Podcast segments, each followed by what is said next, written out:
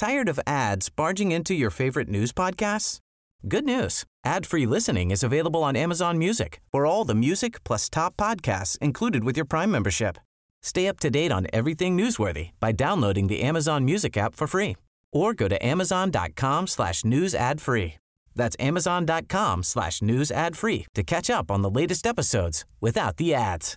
Hey, I'm Ryan Reynolds. At Mint Mobile, we like to do the opposite of what Big Wireless does. They charge you a lot, we charge you a little. So naturally, when they announced they'd be raising their prices due to inflation, we decided to deflate our prices due to not hating you. That's right. We're cutting the price of Mint Unlimited from $30 a month to just $15 a month. Give it a try at mintmobile.com slash switch. $45 upfront for three months plus taxes and fees. Promo for new customers for limited time. Unlimited more than 40 gigabytes per month. Slows. Full terms at mintmobile.com.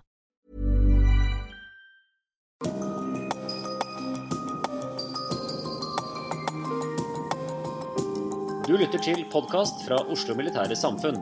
Besøk vår hjemmeside oslomildsamfunn.no, og se oss også på Facebook, Twitter og LinkedIn. Aftenens foredragsholder kjenner alle, eller kjenner til. Generalmajor Tonje Skinneland, sjef Luftforsvaret. Tidligere stabssjef i Luftforsvarsstaben, og før dette en lang karriere med stillinger som omfatter overadjutant for Hans Majestet Kongen, luftvingssjef, stasjonssjef 130 Luftving Mågerø, Detachment Commander, Unit Operation Baltic Accession osv. Lang karriere bak seg hittil. Aftenens foredrag heter 'Status og utfordringer i Luftforsvaret'. Generalmajor, talerstolen er din. Takk skal du ha, formann. Formann og ærede forsamling. Eh, Først og fremst tusen takk for anledningen til å dele mine betraktninger eh, og noen bekymringer om status og utfordringer i Luftforsvaret. Fra denne viktige talerstolen. Og det er spesielt hyggelig å være her i dag med en så feststemt gjeng. eh, Litt annerledes arrangert enn jeg har vært vant til før i OMS. Aller først så vil jeg understreke at vi holder stø kurs. Eh, Mye i Luftforsvaret er bra, og det meste går i den strategiske retninga som ble pekt ut i forsvarssjefens militærfaglige råd, og som min forgjenger redegjorde for da han var på talerstolen her i OMS for to år siden. Som styrkesjef så er mitt hovedfokus alltid å sikre en beredskapsklar styrkestruktur og levere daglige luftoperasjoner. Beredskapen og operasjonene må likevel balanseres med en helt nødvendig modernisering og omstilling for å holde Luftforsvaret relevant og operativ inn i framtida. La meg begynne med det som virkelig fungerer godt i Luftforsvaret i dag. Jeg er svært fornøyd med det vi leverer operativt hver dag. Luftforsvaret leverer hvert minutt, hver time, hver dag, hele året. Som vi alltid har gjort gjennom 73 år som selvstendig forsvarsgren. Årsdagen vår ble markert den 10. november på best mulige måte. Den offisielle markeringa av F-35 til Norge var en historisk begivenhet og en viktig milepæl som angår hele Forsvaret. Er ikke dette et fantastisk godt bilde? Moderne kampfly vil være en helt sentral del av norsk forsvarsevne i overskuelig framtid.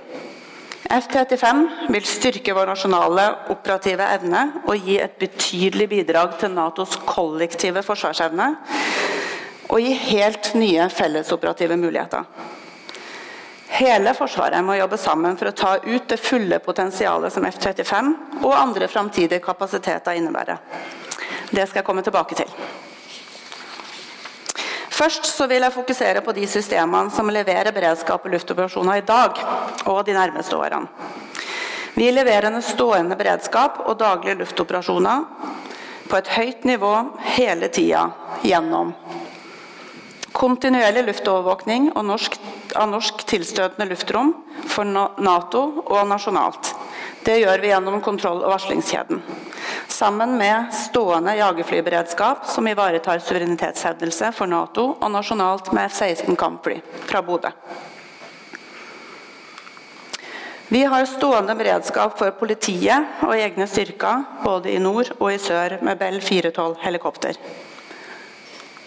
Vi har stående landsdekkende redningshelikopterberedskap med Sea King fra seks baser. Vi har periodevis nasjonal eksplosivryddeberedskap på rotasjon med andre forsvarsgrener, med spesialister fra vårt baseforsvarsmiljø. Vi har løpende understøttelse av operasjoner i utlandet med C-130 transportfly. Og vi driver maritim overvåkning og informasjonssamling som bidrar betydelig til vår strategiske situasjonsforståelse i nord, med P3 maritim patruljefly og DA-20 EK-fly. Så skal vi heller ikke glemme den viktige oppgaven som hovedtyngden av våre vernepliktige utfører døgnkontinuerlig, hele året med vakt og sikring av våre baser. I tillegg til dette så driver alle Luftforsvarets avdelinger styrkeproduksjon for å være klare til å forsterke innsats hjemme og ute på korte klartider. Sånn er luftmaktens natur. Vi må reagere raskt og være først fremme når det kreves.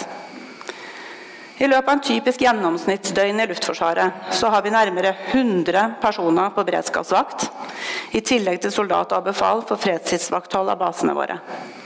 Vi flyr ca. 45 tokt i døgnet, og hovedtyngden av personellet ute ved avdeling er daglig involvert i klargjøring, trening, vedlikehold av våre luft- og bakkesystemer. Dette er kompetente mennesker klare til innsats som gjør en viktig jobb for Norge. Jeg er veldig stolt av den tjenesten som legges ned av Luftforsvarets personell til daglig. Og det er høy etterspørsel på det vi leverer. Dette er tydelig forstått av våre beslutningstakere. Derfor satses det betydelig på modernisering, som skal sikre at norsk luftmakt forblir relevant i framtida. Samtidig skal jeg ikke underkjenne at Luftforsvaret står overfor store utfordringer i dag. Før jeg går inn på disse utfordringene, så vil jeg zoome litt ut eh, og reflektere over det strategiske utfordringsbildet og luftmaktens rolle og betydning i dette. Norge er i global sammenheng et lite land med en liten befolkning. Vi er en arktisk kystnasjon med et enormt maritim interesseområde som er rikt på ressurser. I en stabil og fredelig utkant av verden. Vi påvirkes likevel indirekte og direkte av et vidt spekter av sikkerhetsutfordringer, som spenner fra internasjonal terrorisme, cybertrusler, spredning av masseødeleggelsesvåpen og den militære maktbalansen. Vi må ha et 360 graders utsyn for å håndtere alt dette. Jeg vil imidlertid fokusere på den militære dimensjonen her i dag. Vår geostrategiske plassering med nærhet til verdens største konsentrasjon av vestlig, ikke-vestlig militær slagkraft gjør oss strategisk viktige i storpolitikken. Russlands triada kjernevåpen har base på Kola, også på vår grense. Deres behov for å beskytte denne strategiske kapasiteten gjør at norske nærområder vil påvirkes dersom Russland opplever spenning andre steder i verden. Dette gjorde ekspertutvalget rede for i sin rapport i 2015, hvor bl.a. det russiske bastionsforsvaret ble beskrevet. De senere årene har vi vært vitne til stor russisk satsing på moderne luftvernsystemer, langtrekkende presisjonsvåpen og stående styrker som kan settes inn på kort varsel over lange avstander. Dette innebærer at en aktivering av dette bastionsforsvaret effektivt kan påvirke vår kontroll med og tilgang til lufta over og under vann. Og kan dermed utfordre norsk og alliert operasjonsfrihet i Nord-Atlanteren og i våre nærområder. Egne bakkestyrker i området vil derfor også bli svært sårbare. Selv om Russland ikke oppfattes som en militær trussel mot Norge, er dette en realitet vi må ta høyde for i vår forsvarsplanlegging, og den har betydning for operasjonsmønsteret vårt. Fra et luftmilitært ståsted er det flere utviklingstrekk som har stor betydning, og som kan utfordre vår tilgang til luftrommet, vår evne til å beskytte oss og vår reaksjonsevne. Vesten har hatt en militær fordel i lang tid. Denne fordelen har vært mulig grunnet teknologisk forsprang, overlegen evne til luftkontroll, luftmobilitet, informasjonsinnsamling og et høyt operasjonstempo understøtta av luft- og rombaserte systemer når det gjelder rekkevidde, presisjon, overblikk og utholdenhet. Ikke-vestlige land har gjennom utviklinga av sine våpenprogram lagt mye ressurser i å anskaffe tilsvarende kapasiteter, og er i ferd med å utligne de forsprangene som Vesten har oppnådd. Nektelsesoperasjoner gjennom såkalt Anti-Access Area Denial, A2AD, strategier er ikke noe nytt. Men realiteten er at russisk A2AD-kapasitet har blitt betydelig mer potent de senere årene. Det har blitt en strategisk utfordring som har stor betydning for Natos evne til å utføre operasjoner i alle domener. Realiteten er at russisk evne til nektelse er utplassert i våre nærområder i dag. Hvis systemene skulle aktiveres og deployeres framover, kan de potensielt hindre oss i å operere over og på deler av vårt eget territorium ganske umiddelbart. Det samme er tilfellet i Østersjøen, Svartehavet og i det østlige Middelhavet. Med dette som strategisk bakteppe så skal jeg gå over til å snakke litt om norsk luftmakts rolle og betydning i dette. Forsvarets oppgaver må løses i alle domener. I lufta, på land, til havs, i rommet, digitalt og i det elektromagnetiske spekter. Vi må derfor ha en helhetlig og bred tilnærming til å håndtere sikkerhetsutfordringer i Norge, som Norge står overfor. Framtidas norske luftmakt, som er besluttet av Stortinget gjennom langtidsplan, inneværende langtidsplan, er drevet fram av strategiske beslutninger knytta til fellesoperative ambisjoner for de mest krevende oppgavene. Oppgave 1 til 3.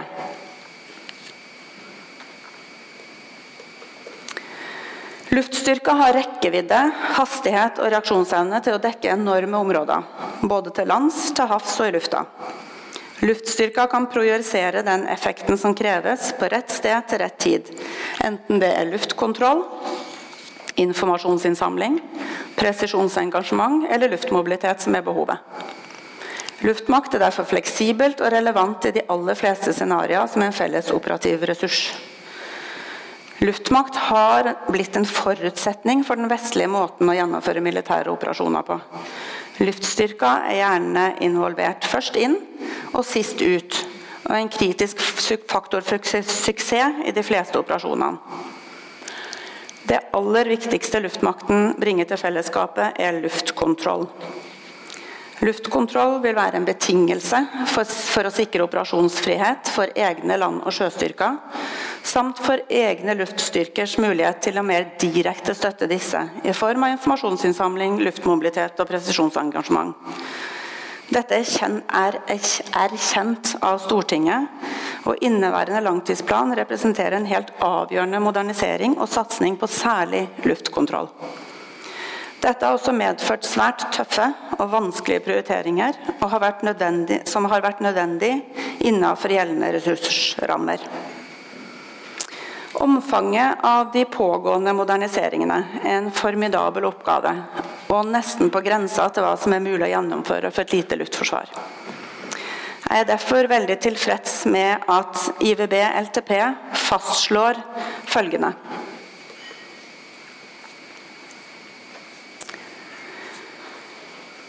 Hva er så status og tilstand på tampen av det første året i ny LTP? Luftmakt er kostbart, og Luftforsvaret er i ferd med å bli den største forsvarsgrenen når det gjelder ressurstilgang. For nærmere 6 milliarder årlig, da inkludert redningshelikoptertjenesten, leverer vi nasjonale operasjoner, beredskap, overvåkning hver time, hver dag, hele året. Realiteten oppleves likevel å være at vi i dag er for små, for gamle og for lite klare i forhold til gjeldende ambisjonsnivå og de fellesoperative behovene. Luftforsvaret er svært godt fornøyd med satsinga på moderne luftmakt som er vedtatt av Stortinget. Samtidig er vi ydmyke for de store og komplekse oppgavene som skal løses og omsettes i de vedtatte planene for å skape reell operativ evne. Samtidighetsutfordringen vi står overfor, er formidable, bare når det gjelder våpensystemer og støttesystemer som skal fases ut og inn. I tillegg kommer helt nødvendig effektivisering, som innebærer omfattende omstillingsoppdrag og endringer i vår basestruktur. Dette krever mye stabskraft og mye involvering av de operative avdelingene. Kompleksiteten og samtidigheten i alle oppgavene vi skal gjennomføre, er derfor stor og krevende. Det er det samme personellet som skal brukes både til operasjoner, beredskap, omstilling og modernisering.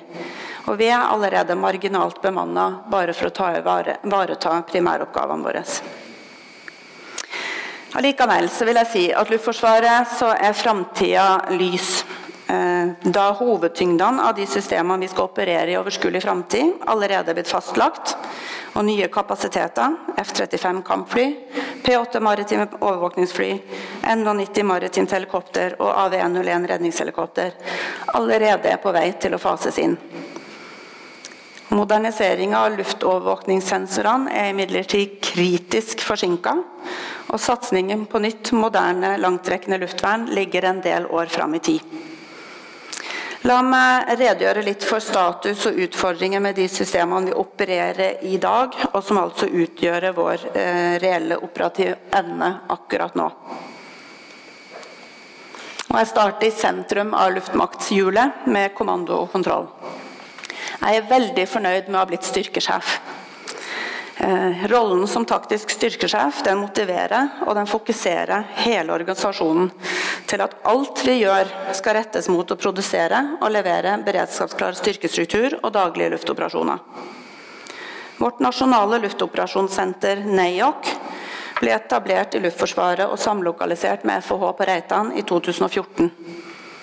Sjef NAOC har ansvaret for eh, å planlegge, og gjennomføre og lede alle luftoperasjoner, øving og trening på vegne av meg som taktisk luftstyrkesjef under operasjonell kommando og Forsvarets operative hovedkvarter. NAOC skal styrkes og videreutvikles mot å bli et fullt operativt operasjonsrom, herunder med økt kompetanse på etterretning, eller joint ISR, og targeting, som bl.a. er helt nødvendig for å få full effekt av våre nye kapasiteter F-35 og P-8. Så til luftkontroll. Kontroll- og varslingskjeden har produsert et gjenkjent luftbilde for oss sjøl og for Nato siden 1956. Dette er svært viktig for varsling, situasjonsoversikt og kontroll med luftstridsmidler. KV-kjeden har over mange år vært gjenstand for omfattende omstilling, effektivisering og automatisering. I dag utøves luftovervåkning og kontroll med kampfly og luftvern fra kun én CRC på Sørreisa. I tillegg så har vi et lite redundanselement i vår deployerbare Air Control Unit, som i dag er lokalisert på Ørland flystasjon. Til sammen så gjør disse en svært god jobb for Norge og Nato 24-7, 365 dager i året. Jeg er imidlertid dypt bekymra for at flere av våre sensorer for luftovervåkning begynner å bli gamle og overmodne for utskiftning. I tillegg er innføring av nye kommando- og kontrollsystemer kraftig forsinka. Videre innen luftkontroll så har F-16 vært et svært godt kampfly som har tjent Norge lenge. Levetida nærmer seg imidlertid slutten, etter nesten 40 år i lufta. Vår F-16-flåte har det høyeste flytimeuttaket i verden, og F-16 blir stadig mer krevende vedlikeholdsmessig. Strukturelle utfordringer kan også dukke opp uforutsett, slik vi har sett eksempler på med sprekkdannelser de siste årene. Vårt svært dyktige operative og tekniske F-16-personell skal fortsatt ivareta vår operative kampflyevne de nærmeste årene. Men noe redusert ambisjonsnivå er akseptert i overgangen til F-35. Denne overgangen kommer til å bli krevende. Men vi har lagt en grundig plan for å evne operative leveranser på F-16, samtidig som vi bygger opp F-35, organisasjon og kapasitet. Fra 2019 skal de operative oppgavene deles mellom F-16 og F-35, og fram til vi er i stand til å overdra QRA-oppdraget med F-35 fra Evenes i, 22, i 2022. Da fases F-16 ut etter hele 42 års aktiv tjeneste for Norge. Også innen luftkontroll så har vårt bakkebaserte luftvern, NASAMS, blitt modernisert én gang etter innføringa på slutten av 90-tallet. For tida så oppgraderes NASAMS våpensystemet videre, og luftvernet bygges opp igjen etter å ha hatt noe redusert styrkeproduksjon i forbindelse med materielle oppgraderinger og samling av aktiviteten på Ørland flystasjon. Vi samarbeider også godt med Hæren, som skal få organisk luftvern. Det blir viktig framover at luftvernet, videre, luftvernet videres utvikling og håndteres i et felles luftvernmiljø på tvers av forsvarsgrenene. Så over til informasjonsinnsamling. Innen dette så gir P3, Orion og DA20 Jetfalcon-miljøene stadig betydelige eh, bidrag til nasjonens strategiske situasjonsforståelse. Nasjonalt har vi alltid fulgt med i nordområdene. Men etter den kalde krigen så ble behovet for tilstedeværelse gradvis redusert, og ambisjonen ble også redusert deretter. Så skjedde det et skifte. Som følge av den endra sikkerhetspolitiske situasjonen etter 2014 og stadig mer avanserte russiske kapasiteter, så har behovet for maritim overvåkning og innsamling økt betydelig igjen. Statusen på vår MPA-kapasitet er et godt eksempel for å tydeliggjøre at det tar tid å utdanne, bemanne og kvalifisere besetninger og operative avdelinger. Hvert MPA-tokt krever crew med bred sammensatt spesialkompetanse som det tar flere år å utvikle. Vi har jobba hardt og er tilfreds med at vi nå er på et jevnt nivå med de operative leveransene. Jeg vil spesielt berømme våre ansatte på Andøya som jobber knallhardt og leverer løpende operasjoner i nord på et høyt nivå, med aldrende materiell og marginale personellressurser. Samtidig som hele Andøya-samfunnet er på vei inn i en svært krevende omstilling. DA20-miljøet fra Gardermoen har også gjort en betydelig innsats for å komplettere innsamlinga i nordområdene. Når P8 Poseidon kommer i operativ drift, vil vi få en betydelig styrking av vår evne til maritim overvåkning og informasjonsinnsamling for å sikre strategisk situasjonsforståelse. Først og fremst vil P8 kompensere for gammel teknologi på dagens P3-utrustning. Videre vil P8-flåten kunne gi rom for bedre tilgjengelighet og mer operativ evne. Overgangen fra to systemer P3 fra Andøya og DA20 fra Gardermoen til ett system, P8 på Evenes, vil også bli krevende. Vi jobber nå med å legge en grundig plan for denne overgangen på tilsvarende måte som den planen vi er inne i når det gjelder kampfly. Når det gjelder eh, NH90, så har vi dessverre betydelige utfordringer. Vi har fortsatt ikke fått levert til oss materiell i fullverdig konfigurasjon. Prosjektet er svært forsinka, og det er utfordrende for Luftforsvaret å ta ut den ytelsen som systemet var tiltenkt da vi beslutta anskaffelsen. Når de flyr, så er de maritime helikoptrene en formidabel kapasitet. Men de har vært mye mer krevende å vedlikeholde enn det vi forutsatte da kontrakten ble inngått. Min oppgave som sjef Luftforsvaret er å produsere flest mulig flytimer med de forutsetningene vi har til støtte for Sjøforsvaret. Selv om vi har optimalisert vår egen drift og satt en del av det tyngre vedlikeholdet ut på kontrakt, så er det fortsatt begrensa hvor mange flytimer vi er i stand til å produsere med hver maskin. Alle andre land som bruker NH90, har samme erfaring og utfordring. Slik det ser ut nå, så klarer vi ikke å produsere og levere den operative evnen som Sjøforsvaret har behov for på kystvakt og fregatt. Det bekymrer meg. Nå jobbes det med å avklare hvor stort dette gapet i leveransen vil bli, og alternativet for å tette dette. Over til luftmobilitet.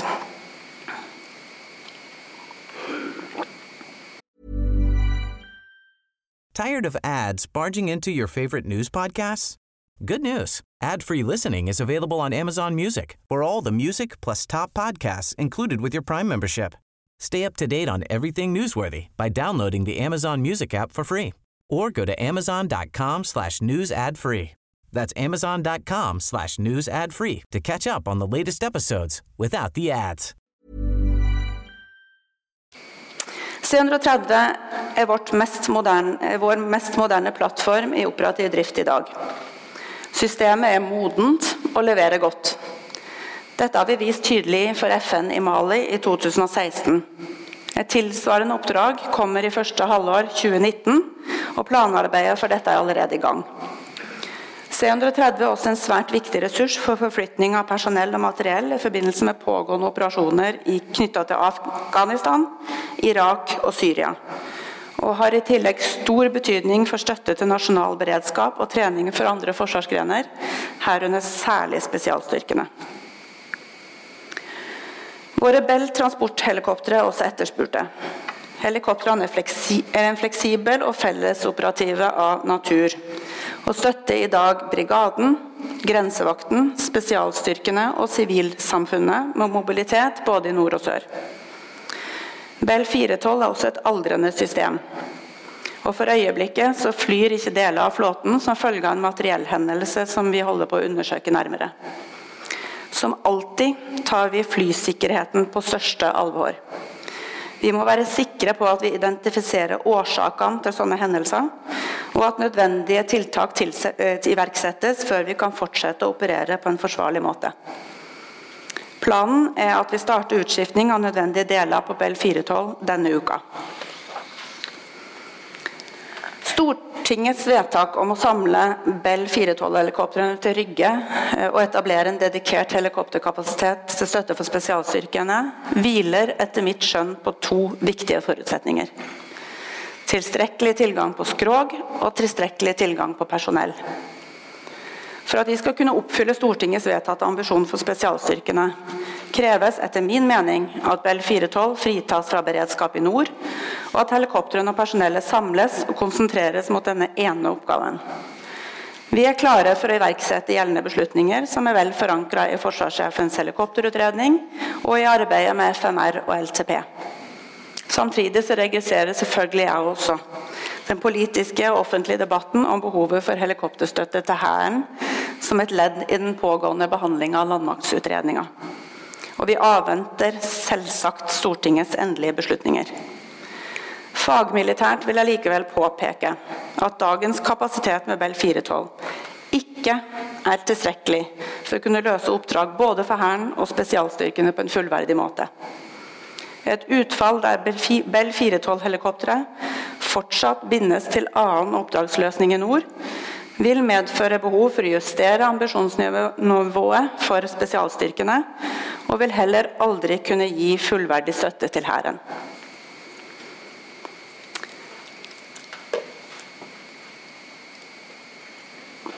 skvadronen som opererer Sea King for redningstjenesten, er den avdelinga i Luftforsvaret som har det mest omfattende stående beredskapsoppdraget.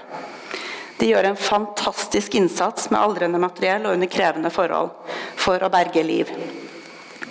Erstatning av Sea King med AV101 er kjærkomment og ledes av Justisdepartementet. Vår oppgave i Luftforsvaret er å gjøre oss klare til å operere den nye plattformen, som vil bli et betydelig løft for redningstjenesten.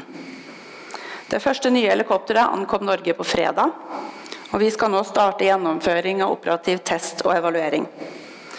Planen videre er å konvertere fra Sea King til AV101 på de seks lokasjonene vi opererer fra, men én base om gangen i perioden 2018 til 2020. Uten avbrekk i redningshelikopterberedskapen. Planen er at Sola blir første base som går operative med AV101 mot slutten av neste år. Så til operativ støtte. Luftmakt starter og stopper på bakken. Våre flystasjoner og baser er en avgjørende forutsetning for understøttelsen av luftoperasjoner.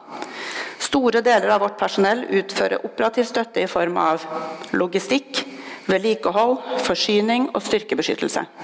For å holde basene og systemene våre operative. Luftforsvaret er i dag spredt på mange steder i landet. Og det å overta, ivareta tilstrekkelig vakthold og sikring er krevende bare i fredstid hvor sikkerhetskravene skjerpes som følge av ny sikkerhetslovgivning, og behovet for skjerming av våre verdier. Ved et forhøya trusselnivå blir styrkebeskyttelse enda mer krevende og komplekst. Våre flystasjoner og baser må kunne sikres, beskyttes og opereres i hele konfliktskalaen. Dette vil være svært ressurskrevende. I dag har vi forbedringspotensial innen grunnsikring, og når det gjelder kapasitet innen baseforsvarsfunksjoner som sanitet, passivt forsvar og skadereparasjon. Styrkebeskyttelse og spesielt vakthold og sikring er personellkrevende, og vi vurderer for tida løsninger sammen med FFI for hvordan vi kan utnytte teknologi i modernisering, effektivisering og styrking av baseforsvaret. Et fortsatt tett og godt samarbeid med Heimevernet for beskyttelse av våre baser er helt avgjørende. Elektronisk krigføring inngår også innen operativ støtte. Dette er et område som vi må revitalisere i hele Forsvaret.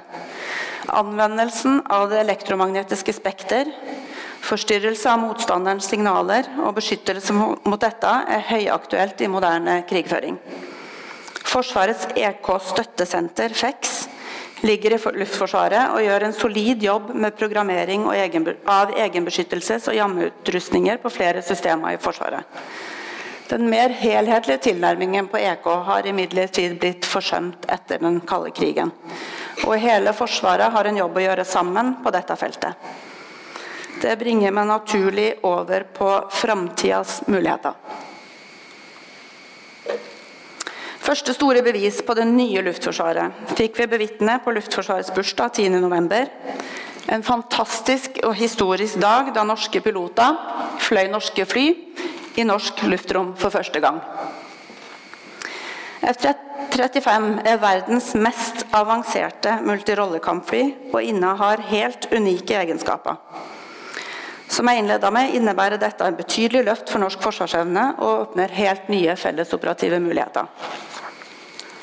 I situasjoner med høyt trusselnivå vil F-35 ha evne til å undertrykke og bekjempe moderne integrerte luftvernsystemer, og dermed bidra til å sikre luftkontroll på en helt annen måte enn F-16 kan i dag. Med sin evne til å operere skjult, evne til å samle inn og prosessere store informasjonsmengder, sammen med integrerte langtrekkende presisjonsvåpen, så vil F-35 ha evne til å slå ut en motstanders A2AD-kapasiteter på land og på overflaten. F-35 kampfly utrusta med langtrekkende presisjonsvåpen og P8 utrusta med antiubåtvåpen i samvirke med fregatter og ubåter vil kunne ha innflytelse på situasjonen over og under vann i Nord-Atlanteren. Dette er operasjoner vi må utføre sammen med våre nærmeste allierte for å sikre alliert tilgang til disse viktige havområdene.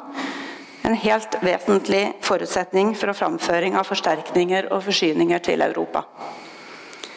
Videre skal F-35 også bidra til direkte støtte til land- og sjømakten gjennom informasjonsdeling og presisjonsengasjement. Det betinger at vi videreutvikler, videreutvikler evnen til å knytte alle relevante forsvarskapasiteter sammen i nettverk som kan gi støtte til og få støtte fra hverandre. F-35 har altså en offensiv kapasitet og kan true høyverdige mål både på land og på overflata og i lufta. Dette medfører en høy militær risiko ved å utfordre Norges suverenitet, og bidrar betydelig til økt terskel med hensyn til avskrekking. Det vil være, på, være påkrevd med et tilstrekkelig antall kampfly for å kunne utføre disse samtidige og mest krevende oppgavene i et høyintensitets trusselscenario. Det ligger flere grundige analyser til grunn. Tre runder i tre langtidsplaner for Stortingets ambisjonsnivå, som sier at F-52, F-35 er nødvendig for å kunne ivareta alle disse oppgavene i et høyintensitetsscenario for Norge. For å realisere det potensialet som ligger i dette nye femtegenerasjons kampflyet, så må vi utvikle vår felles operative forståelse for kapasiteten og vi må endre våre operasjonskonsepter, planverk og beslutningsprosesser for å kunne ta ut det fulle potensialet. F-35 må bli en helt sentral katalysator for en sånn dreining, men utviklinga kan ikke isoleres til dette systemet eller Luftforsvaret alene. F-35 vil sammen med andre moderne systemer i alle forsvarsgrener gi betydelige fellesoperative muligheter. Hele Forsvaret må jobbe sammen for å ta ut dette fulle potensialet i framtidas militærmakt. F-35 vil bli en strategisk viktig kapasitet som dermed må beskyttes. Omfattende øvelser og tester har demonstrert at F-35 vil være svært kapabel til å beskytte seg sjøl i lufta. Men den er sårbar på bakken. Derfor må våre F-35-baser ha robust beskyttelse på bakken. Stortingets beslutninger om å modernisere de øvre delene av luftkontrollsystemet er derfor helt nødvendig, og våre gjennomføringsplaner skal sikre at vi får på plass en relevant basestruktur som gir evne og mulighet til å kunne operere F-35 i aktuelle innsatsområder, og som kan understøttes og beskyttes på alle konfliktnivå. Et baseforsvar som gir nødvendig beskyttelse mot bakkeangrep, som kan begrense skader, og som kan regenerere operativ evne etter skader. Et luftvern med nødvendig sensordekning, integrasjon, nedskytingskapasitet og overlevelsesevne som gir tilstrekkelig beskyttelse mot luftangrep fra en variasjon av presisjonsstyrte våpen. Og et luftkommando-kontrollsystem som overvåker luftrommet, produserer et beslutningsgrunnlag og som kan planlegge, lede og gjennomføre luftoperasjoner. Ambisjonen vår er at F-35 sammen med resten av det moderniserte luftkontrollsystemet skal være fullt operativ i 2025. La meg snakke litt mer om basestrukturen.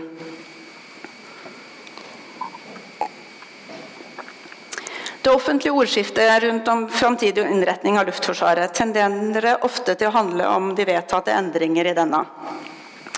Dette er fullt forståelig, ettersom mange lokalsamfunn berøres gjennomgripende av Luftforsvarets virksomhet. Andøya og Ørland er to eksempler på slike steder, men med helt forskjellige fortegn. Diskusjonen kan etter mitt skjønn ikke avgrenses til basenes egnethet eller sammenligning mellom dem.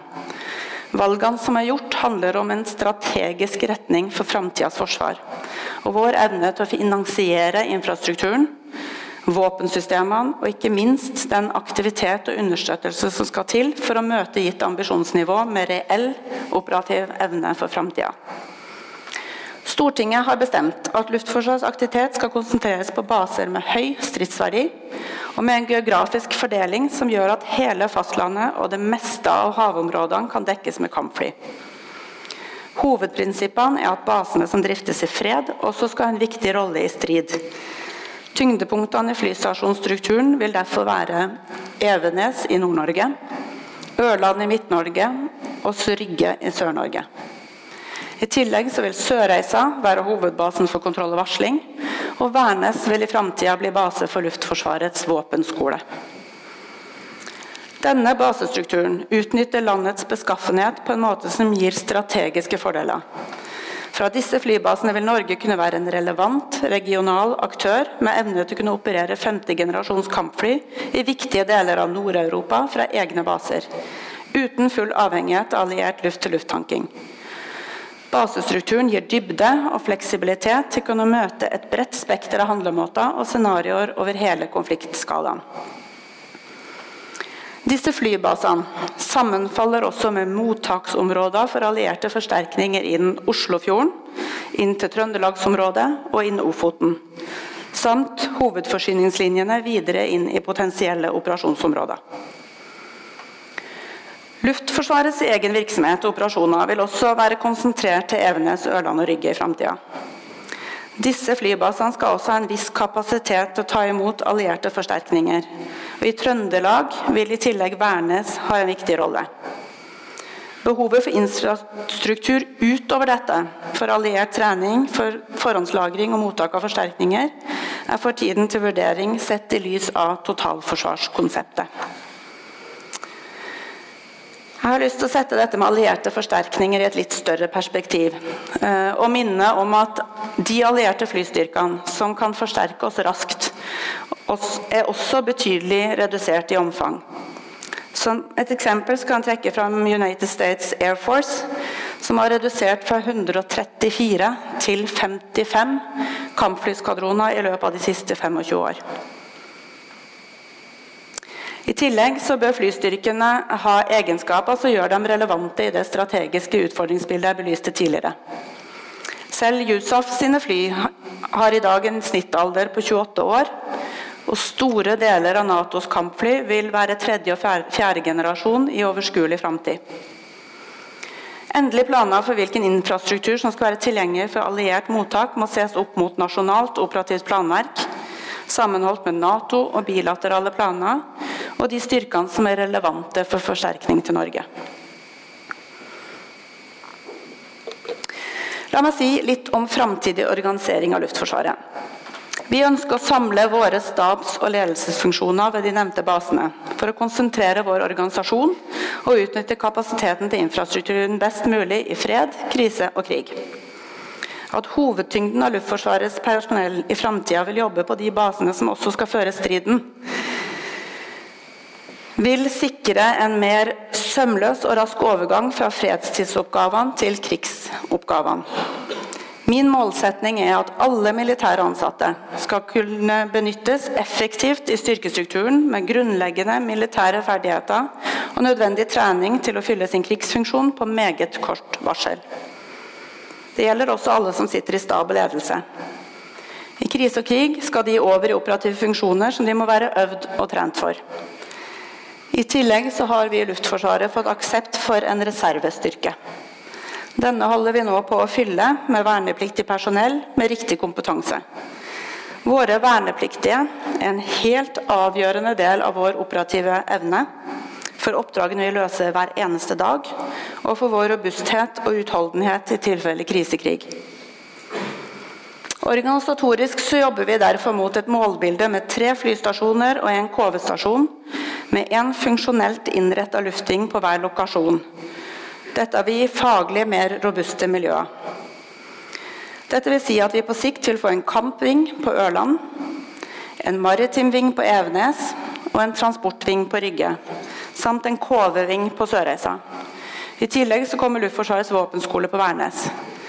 På sikt så vil dette gi også gi mer forutsigbarhet for personellet. Som leder meg over på et annet hovedtema. Den kritiske suksessfaktoren for å lykkes med kompleksiteten i oppdragene våre i dag og i framtida, er at vi evner å beholde, rekruttere og videreutvikle personell med den kompetansen vi trenger for å skape forsvarsevne med de systemene vi har. La meg si litt om mulighetene som ligger i innføring av ny ordning for militært tilsatte og utdanningsreformen. Ny militær ordning skal bidra til å styrke operativ evne. Operative krav kombinert med stadig mer avansert teknologi krever mer spisskompetanse. Spesialistene skal være bærebjelken i det framtidige luftforsvaret. Innføringen av et spesialistkorps skal bidra til, oss, til, til, lengre ståtid og økt beredskap blant vårt personell som opererer, understøtter og vedlikeholder systemene våre. Offiserene må forstå kompleksiteten i de sikkerhetsutfordringene vi har, og mulighetene, begrensningene og rammene for anvendelse av militærmakt. Solid kompetanse innen planlegging og ledelse av fellesoperasjoner forblir sentralt. I tillegg så kommer stadig strengere krav om virksomhetsforståelse, styring og kontroll for å sikre at ressursene balanseres og utnyttes optimalt for mest, operativ evne. mest mulig operativ evne.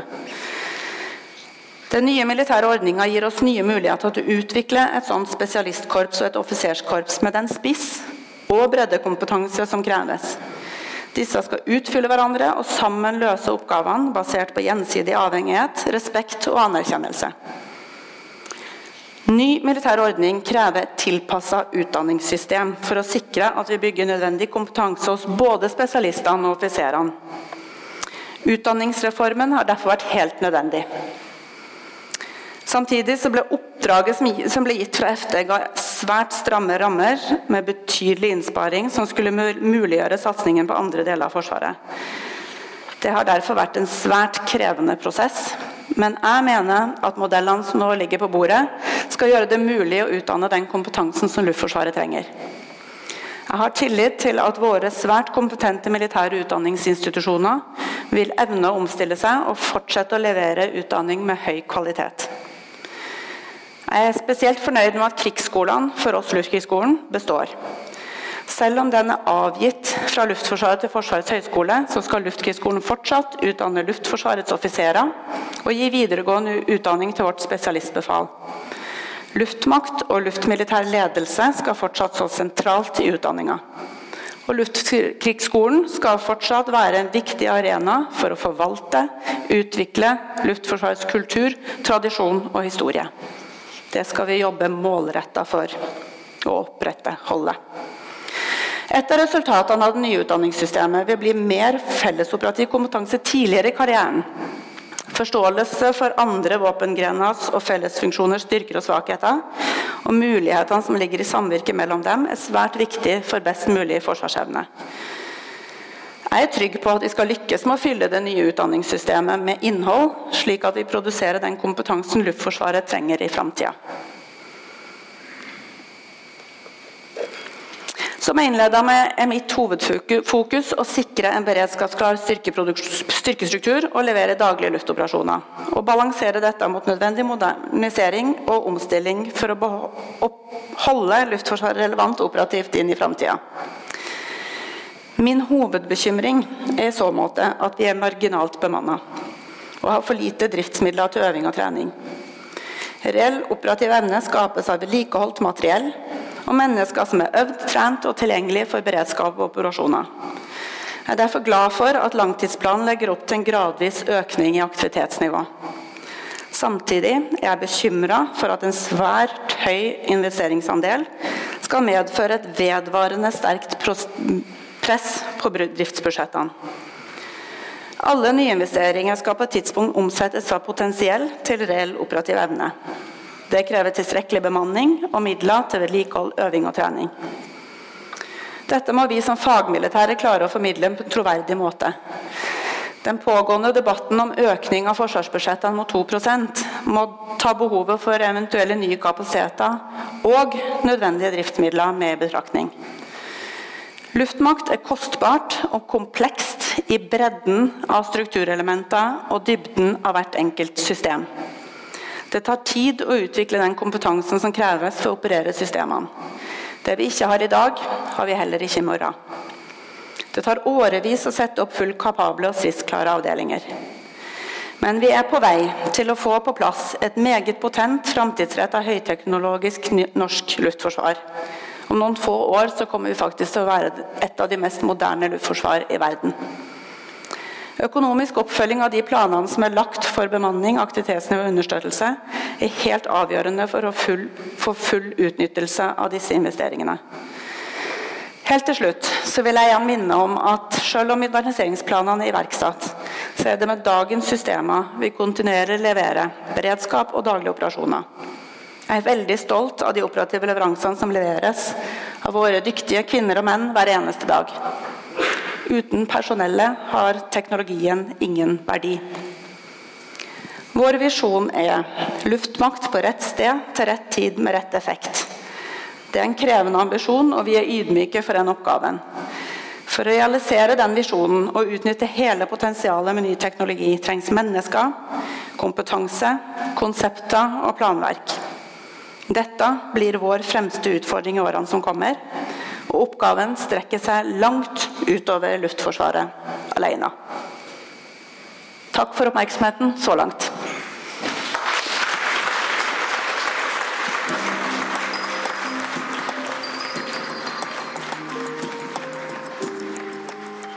Du har hørt podkast fra Oslo Militære Samfunn.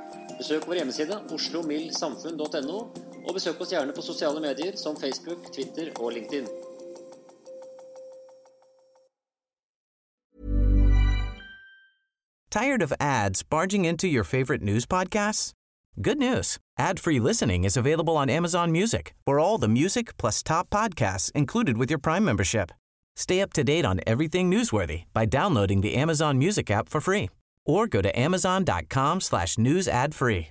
That's amazon.com slash news ad free to catch up on the latest episodes without the ads.